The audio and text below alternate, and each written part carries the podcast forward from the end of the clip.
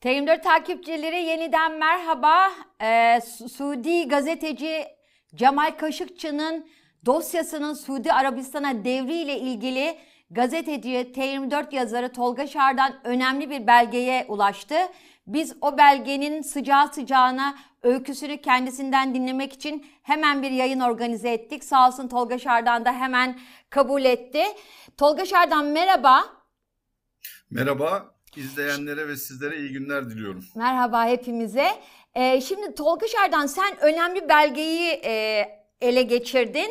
E, neden önemliydi? Çünkü Suudi gazeteci dünya kamuoyunun önünde e, Suudi konsolosluğunda İstanbul'daki Suudi konsolosluğunda vahşice öldürüldü, katledildi ve bununla ilgili dö- e, dö- dönemin siyaseti gereği çok ciddi ve üst sözler de söylenildi. Özellikle Cumhurbaşkanı Erdoğan tarafından Türk yargısı kurallarına göre yargılanacak çünkü İstanbul'da işlendi dedi.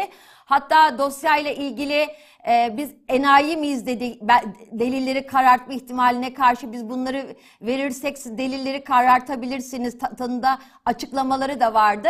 Türkiye bu dosyanın epey bir arkasında durdu ve uluslararası kamuoyu açısından da Türkiye'nin bu hukuki sürecini e, ciddi yürütmesi de gayet takdirle karşılanmıştı ki birden dosya devredildi. Ee, Suudi yetkililerine devredildi ve bununla ilgili ciddi tartışmalar e, yaşandı. Çünkü Suudi Arabistan'ın evet. hangi hukuki düzende olduğunu biliyoruz. Türkiye bir hukuk devleti zira. Sen o belgede neye ulaştın? Ne önemliydi? Neyin altını çizmek istersin? İki önemli e, bölümü var diye düşünüyorum. Şimdi tabii e, Suudi Arabistan sizin de söylediğiniz gibi e, olayda adı geçen e, şüphelilerle ilgili bir adli e, süreç başlatmıştı. Bu zaten biliniyor. Suudi yetkililer bunu Türkiye'ye de zamanında açıkladılar. E, Türkiye'de de İstanbul'da 11. Ağır Ceza Mahkemesi'nde bir e, dava süreci yürüyor. E, tabii Türkiye normalde e, bu dosyada adı geçen herkes firar. Hiç Türk olmadığı için tamamı 26 kişinin tamamı Suudi vatandaşı ve bunlar firar olarak gözüktüğünden dolayı e, Türkiye doğal olarak başka ülkelere de yaptığı gibi yür, e, yargılamayı yürütebilmek adına e, yeni delillere veyahut da savunmalara ulaşabilmek adına Suudi Arabistan'dan adli istinabede bulunuyor ki bu normal bir şey, normal bir süreç. E, fakat burada şöyle bir sorun var. Ee, Suudi Arabistan'la Türkiye arasında adli yardımlaşmaya imkan, imkan kılan bir e, anlaşma yok. Bu e, iki ülke arasında genelde yapılır. E, böyle bir anlaşmamız mevcut değil. Kaldı ki e, Suudi Arabistan ben, bu konuda uluslararası herhangi bir anlaşmaya da taraf değil. E, adli, yar, adli yardımlaşmaya kapalı bir sistem yürütüyor. Çünkü malum işte kullandığı yasalar, uyguladığı e, hukuki mevzuat e, mevcut uluslararası düzene pek e, örtüşmeyen e, mevzuatı kullanıyor Suudi Arabistan. E, tabii hal böyle olunca e, bizim İstanbul 11. Ağır Ceza Mahkemesi Dışişleri Bakanlığı önce Adalet Bakanlığı oradan da Dışişleri Bakanlığı üzerinden adli istinabede bulunuyor. E, bu istinabe çerçevesinde Suudi yetkililer e, bir yazı gönderiyorlar, cevabi yazı. E, bu yazının aslı e, aşağı yukarı o da 11 sayfa ama tercümesiyle bu 13 beraber. 13 Mart'ta gelen yazı değil mi? 13 Mart'ta. Evet. Evet 13 Mart'ta gelen yazı. E, onlar da tabii kendi e, önce Adalet Bakanlıkları sonra Suudi Dışişleri Bakanlığı üzerinden Türkiye'ye gönderilen bir belge. Hı hı. E, bu belge Dışişleri Bakanlığı'nda e, gayri resmi tercümeye tutul, e, tabi tutuluyor. Yani bu gayri resmi diyoruz ama bu zaten e, resmi bir belgenin ekinde gönderildiği için bunda bir sıkıntı yok. Hı hı. E, burada Suudi makamları e, kendi ülkelerinde 11 e, görevlinin, kamu görevlisinin yargılandığını ve ceza aldığını, diğer görevlilerin 15 kişinin yani Türkiye'de 26 kişiyken onlar 11 kişi üzerinden e, Yargılama yargılamayı yaptılar. Evet 15 kişinin de haklarında e, yeterli delil bulamamaktan dolayı e, ceza verilmediğini belirtiyorlar. Tabii burada e, bu belgede aynı zamanda biz e, her ne kadar İstanbul 11. Ağır Ceza Mahkemesi'nin iddianamesinde Cemal Kaşıkçı'nın nasıl öldürülmüş olduğu yönünde iddialar nihayetinde bunlar iddiadır. e, mahkemede bir e, somut sonuca ulaşmadı henüz. E, ve biz ilk defa e, bu belgede Cemal Kaşıkçı cinayetinin e, İstanbul'da başkonsolosluğunda nasıl işlendiğini, kimler tarafından hangi kimlerin hangi görevleri yerine getirdiğini çok net biçimde gördük. Hı hı. E, anlaşılıyor ki e, burada Cemal Kaşıkçı başkonsolosluğa girdikten sonra oradaki adli tıp uzmanı e, Suudi yetkili tarafından bu bunlar biliyorsunuz o zaman Türkiye'ye geldikleri tespit edilmişti ki bu doğru. Zaten Suudi makamlarının çalışmalarında da yargılamalarında da bu görülüyor.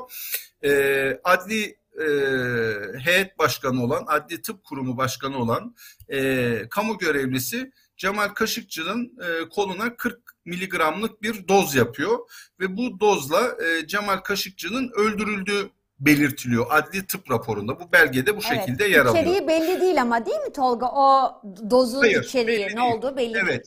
Yani o e, dozun sıvının içeriğinin ne olduğunu orada açıklamamışlar. Sadece 40 miligramlık bir e, sıvıyla e, yani muhtemelen siyanür veya türevi olan bir şeydir Hı diye hı ben hı hı. düşünüyorum açıkçası. E, bu şekilde e, kanına e, Zerk ulaşması suretiyle zerk edelim. Evet zerk edilme suretiyle Cemal Kaşıkçı'nın öldürüldüğü açıklanıyor. Tabii sonuç itibariyle e, Türkiye'nin elinde net bir adli tıp raporu yok ama bu bilgi Suudi makamlarından resmi bir istinabenin cevabı olarak gör- gönderildiği için biz bunu Suudi he- e, makamlarının resmi görüşü olarak kabul etmemiz gerekiyor. Evet. Şu aynen. anda aksi bir evet aksi bir tespit yok. Ee, yine aynı e, yazının içinde e, bu ekipte olan kişilerin işte Cemal Kaşıkçı'yı kimlerin nasıl etkisiz hale getirdiğini e, mesela bir orada e, Veliaht Prens'e e, bağlı çalışan istihbarat şefi Albay'ın ki zaten bu kimliği bilinen bir kişiydi. Onun görevinin ne olduğu net olarak açıklanıyor. E, son derece e, anlaşılır bir şekilde tercümesi yapılmış ve bu e, tercüme mahkemeye de gönderilmiş şekilde. E, bu tabii en azından Cemal Kaşıkçı'nın nasıl ilk olarak ilk anda öldürülüp etkisiz hale getirilip sonra cesedinin parçalanması yoluyla e, konsolosluktan çıkarıldığı şeklinde bir kanaat oluşturmakla beraber bu yazının esas bence önemli diğer bir kısmı da e, Türkiye ile Suudi Arabistan arasındaki adli yardımlaşma çerçevesinde yasal temele otur, oturtulması hadisesi. Ee, burada uluslararası nezaket ilkesi şeklinde bir tanımlama var.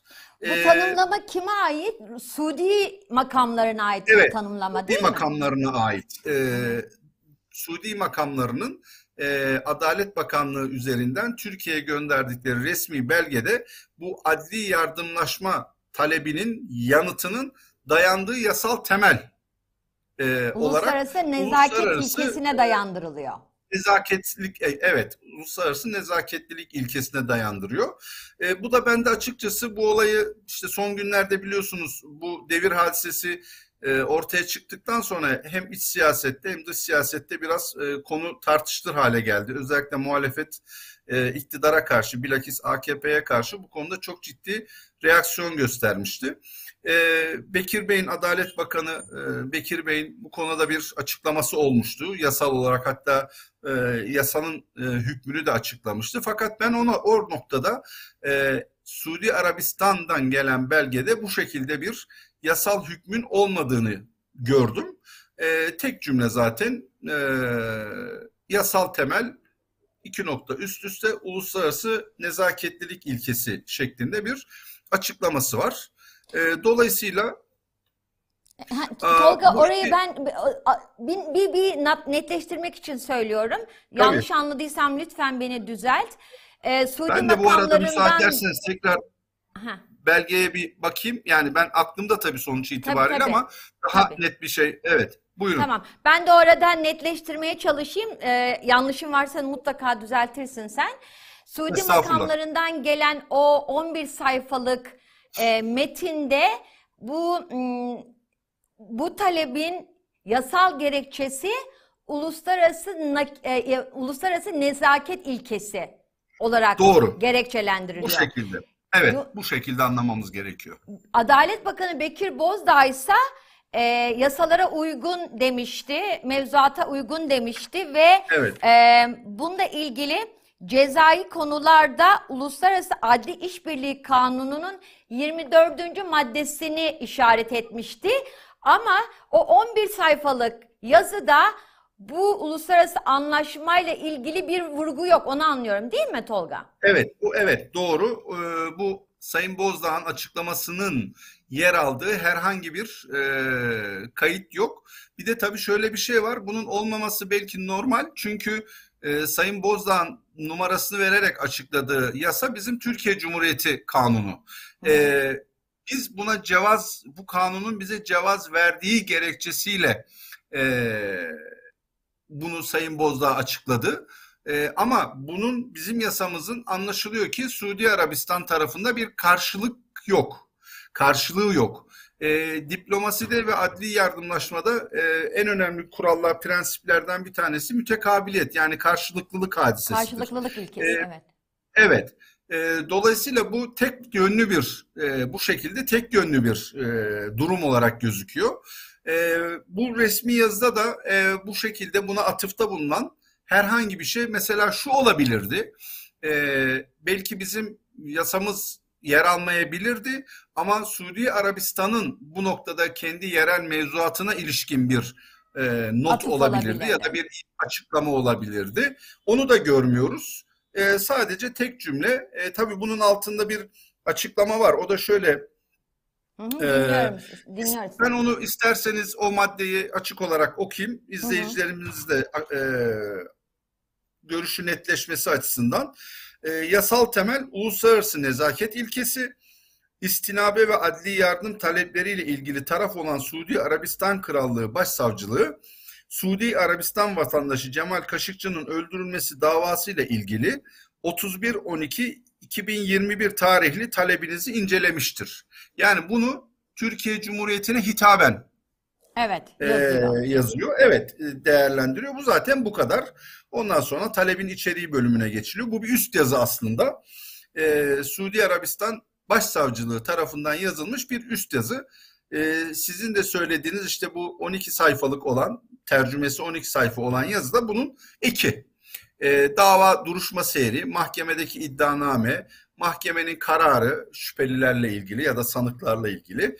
Daha sonra verilen cezalar, sonra da o cezaların e, yeniden e, düzenlenmesi. Mesela hapis cezalarını e, düzeltiyorum, e, ölüm cezalarını kısasta, ölüm cezalarını hapis cezalarına çevirmiş. Mesela işte o istihbarat şefine 20 yıl hapis cezası vermişler. Hı hı. Bazı sanıklara 10 yıl, bazı sanıklara 7 yıl, bazı sanıklara da 5 yıl hapis cezası vermişler. Ama onun dışında da tabii e, geri kalanlar ile ilgili de e, yayının başında söylediğim gibi e, bunların hakkında herhangi bir delil ve kanaat oluşmadığı için bu kişilerle ilgili bir işlem yapılmamış görülüyor.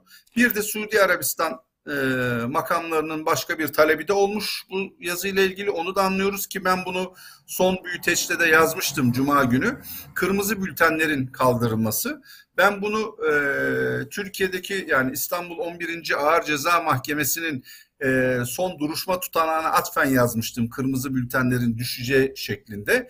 E, bu talebin de Suudi Arabistan makamlarından geldiğini anlıyoruz. Çünkü Suudi Arabistan makamları da adı geçen kişilerin e, kırmızı bültenlerinin kaldırılmasının talep eden bir resmi e, yazıyı da göndermiş oluyor. Aslında çok önemli bir detaya vurgu yaptın Tolga. Çünkü Adalet Bakanı Bekir Bozdağ demişti ki e, yargıl, yargılamanın nakline karar verilmesi yargı devrinin e, yetkisi değildir. Yargılama devam eder demişti. Eğer Evet. öyleyse yani nakil ediliyor ama e, bildiğim kadarıyla ilgili e, yasanın e, dayanağında eğer orada yargılamada kavuşturma bittiğindeki burada 26 kişi var orada 11 kişi var. E, o durumlarda da- dava burada düşebiliyor. Şimdi öyle bir durum da yok. En azından biz m, 26 kişi için öyle bir durum yok diyebiliriz. Eğer yargılama süreci devam ediyor di- diyorsa kırmızı bültenin kaldırılması talebinin yerinde görülmesi de bir garip olacak gibi geliyor bana. Şöyle e, ben bunu tabii e, bu çok e, karmaşık bir hukuki süreç. Ben bunu e, olayın mağduru olan Hatice Cengiz hanımefendinin avukatıyla da e, görüştüm. E, kendisi sizin söylediğinizi bir bakıma tekrar etti. E, orada zaten şu anda e, yargılama bitmiş ve nihayetlenmiş durumda. Dolayısıyla bizde açık olan dosyanın oraya gönderilmesinin aslında yargılamayı yeniden başlatmak veyahut da sürdürmek gibi bir yeni bir aşamaya geçmesini e, sağlamayacağını avukat bey e, belirtti. Aynı zamanda da bu kırmızı bültenlerin düşmesi tabii e, adı geçen kişiler bundan sonra istedikleri gibi e, dünyada Ülkede da dolaşabilecekler. evet, tabii yani sirkülasyona tabii ki e, sirkülasyona girebilecekler.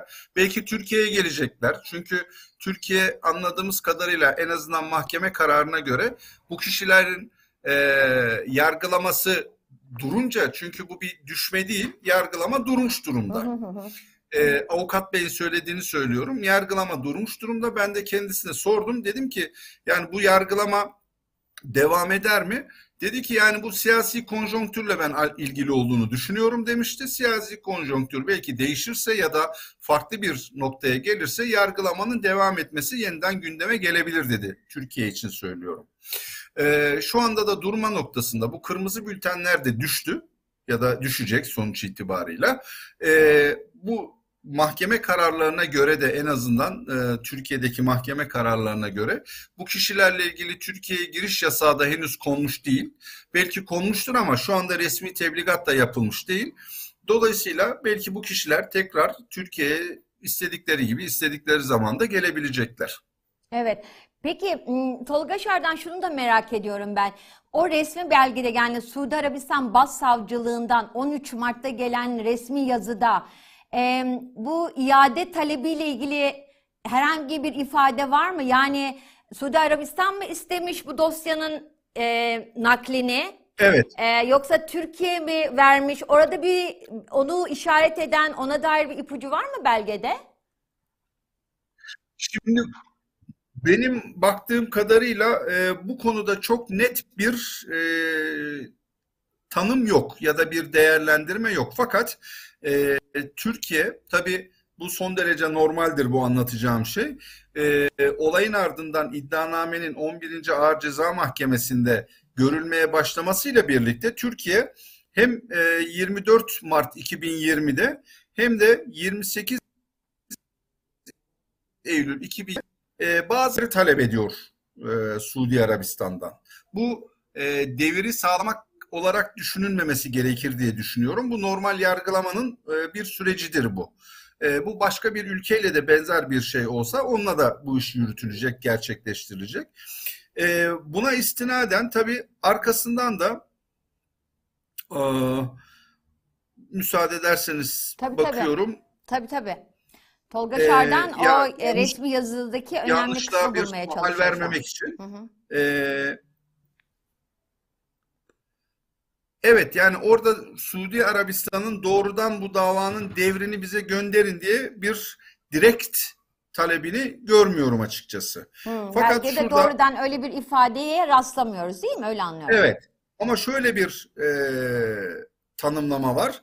Davanın devri durumunda dava ve davadaki iddialar değerlendirilecek ve sonucundan Türk adli makamlarına bilgi verilecektir şeklinde de bir Hmm. görüş var. Ee, Davanın devri buradan- durumunda. Evet. Ee, yani bunu zorlama yapmak gerek. Eğer zorlama yaparsak biz bunu anlamsal olarak belki böyle bir talebin e, olduğunu düşünebiliriz. Fakat e, bu tür yazılar biliyorsunuz diplomatik dille yazılır ve diplomatik dille tercih tercüme edilir. E, çok doğrudan açıkçası bana bunu hissettiren bir e, değerlendirmeyi görmedim ben. Böyle değerlendirmiyorum. E, ama e, mutlaka bu iki ülke arasında daha önceden yapılan bir e, nasıl söyleyelim diplomatik girişimler ya da değerlendirmeler sonucunda ben yargılamanın adli sürecin bu aşamaya taşındığını düşünüyorum. Çünkü genelde böyledir. Önce siyaseten veyahut da diplomatik kanallar çalışır. Bunun daha önce biz yakın tarihte örneklerini de gördük. E, sonra e, yargı süreci bu gelişen noktaya göre şekillenir. Sonra da ülkeler kendilerine göre kararları alıp uygularlar. Bir de herhalde şu soruyu sormak e, bence gazetecilik açısından bana e, doğru bir soru gibi geliyor. Sen ne dersin? Adalet Bakanı Bekir Bozdağ her ne kadar biz 6706 cezai konularda Uluslararası Adli İşbirliği Kanunu'nun 24. maddesine dayanarak bu nakli yaptık dese de o maddeye ben baktım. O maddede diyor ki şüpheli veya bir yıla üstü cezalarla ilgili zaten bu madde. Evet. Şüpheli veya sanığın yabancı devletin vatandaşı olması nedeniyle Türkiye'de hazır bulundurulamaması veya adli yardımlaşma yoluyla savunmasının alınamaması gibi bir gerekçe var. Ama orada o zaman şu soruyu sormak bence gazetecilik açısından önemli. Sen ne dersin? Türkiye'de 26 sanık vardı. Orada 11 sanık vardı. Yani 15 kişi Suudi Arabistan'ın e, soruşturma kovuşturma aşamasına hiç girmedi bile. O yüzden bu sanık ya da şüpheli Bunu şahısın müsaade ederseniz Heh. şöyle düzeltebilir miyim? Yani kovuşturmayla soruşturma aşaması biraz farklı oluyor. Evet. Ee, sor- evet soruşturmaya girdiler fakat kovuşturmaya Kovuşturmaya yani yargılama boyutunda evet yeterli delil bulan bulunamadığı için haklarında herhangi bir işlem yapılamadı.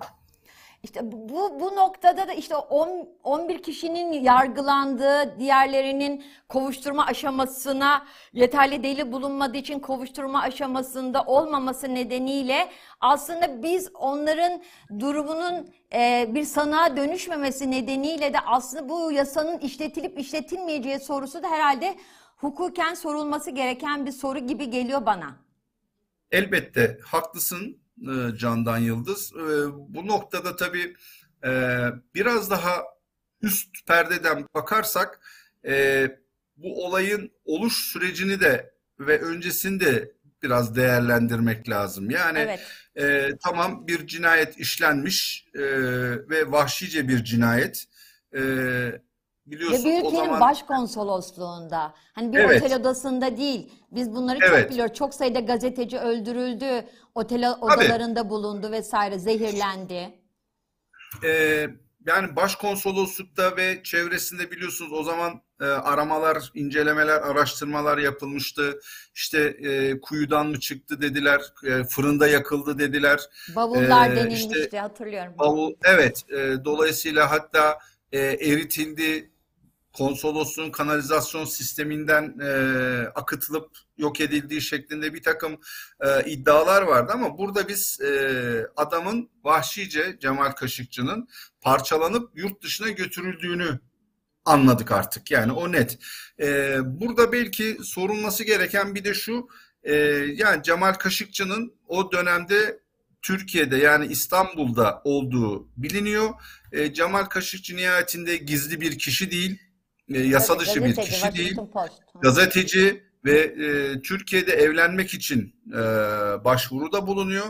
Belki o dönemde Cemal Kaşıkçı'ya e, güvenliğini sağlamak açısından farklı tedbirler, önlemler alınmış olsaydı ne bir böyle olayla karşılaşacaktık ne de şimdi böyle bir hukuki süreci tartışıyor olacaktık. Bir de e, Tolga herhalde bu bu dava şu açıdan da çok önemli gibi geliyor. Gazeteci ya da değil ama bir vatandaşın e, kendi ülkesi tarafından öldürülmesinin yargısal ve adaletsel hukuksal sürecinin güvencesizliğine de işaret ediyor. Herhalde bu açıdan da çok önemli. Yani hukuki herhangi bir güvence uluslararası siyasetin dengelerine kurban verilebiliyor. Bu ihtimal en azından bu dosya için Doğru. geçerli diye düşünüyorum. Doğru işte e, Cemal Kaşıkçı hadisesinde yani bunu biz söylediklerinizi birer birer hepsini bu e, örnekte gördük. E, Cemal Kaşıkçı'nın tabii gazeteci olması onu e, adını yaşamsal olarak biraz daha önemli hale getirmişti.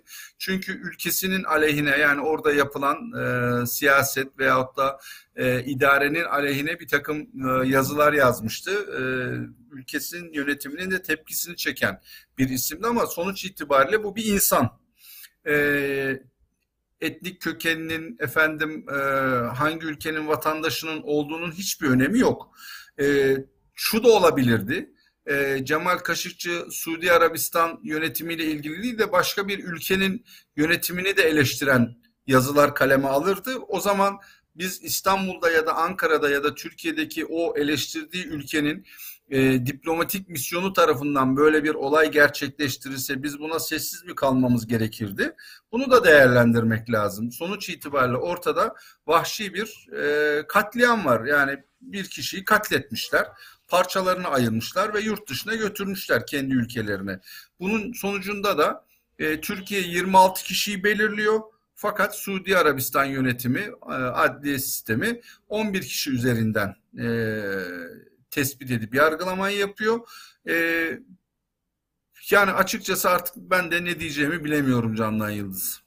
Peki Tolga Şardan çok teşekkür ediyorum. Senin de dediğin Ben gibi bu ediyorum. Türkiye topraklarında İstanbul'da işlenen bir cinayetti ve TCK 8'de diyor ki Türkiye topraklarında bir suç işleniyorsa yabancı ülke vatandaşı olsa bile e, yargılama burada yapılır e, diyor TCK 8 yanlış hatırlamıyorsam.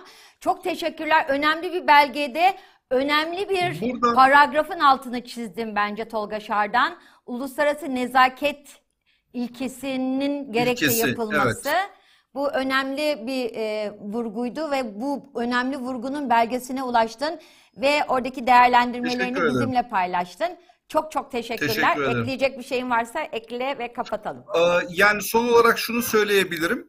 Ee, bu İstanbul'da bu cinayeti işleyenlerin kendi ülkelerine gitmesi aslında onları hukuki olarak da çok e, kolaylıklar sağlıyor. Şöyle ki e, biliyorsunuz bir ülke herhangi bir e, yabancı ülke vatandaşıyla ilgili kendi ülkesinde işlediği suç çerçevesinde e, ya da kendi vatandaşıyla ilgili bir Interpol'ün kırmızı bültenini çıkartabiliyor ki zaten bu olayda da bunlar mevcut. Fakat genel e, yürütme şöyle oluyor. Eğer e, ülke kendisiyle ilgili kendi vatandaşının başka bir ülkede aranan vatandaşı kendi topraklarındaysa genel olarak bunu çok e, iade etmiyor ülkeye. Yani aranan ülke, arayan ülkeye ya da adli yargılama yapan ülkeye iade etmiyor. Daha çok bu işler istinabeyle oluyor. Yani Türkiye de bunu benzer şekilde uyguluyor. Bu sistem işte belki de bizim e, bu olayda e, adli yargılamanın e, daha somut hale gelmesi ya da Türkiye'de ceza almalarının da önüne geçen bir sistem olarak ben görüyorum. Uluslararası hukuk maalesef bu işi böyle değerlendiriyor. E, ülkeler de bu hukuku bu şekilde yorumlayarak kendi ülke vatandaşlarını başka ülkelere iade etmiyorlar. Tolga Şardan çok teşekkürler bir kez Ben daha. teşekkür ediyorum. Evet TM4'te sıcak bir gelişmeyi Tolga Şardan'a ulaştığı belgenin içeriğini ve tabii ki ne anlama geldiğini konuştuk. TM4'te kalıyorsunuz. YouTube kanalımıza abone olmayı unutmuyorsunuz. Sizin desteklerinizle ayaktayız. Çünkü başka bir gazetecilik mümkün. Şimdilik hoşçakalın.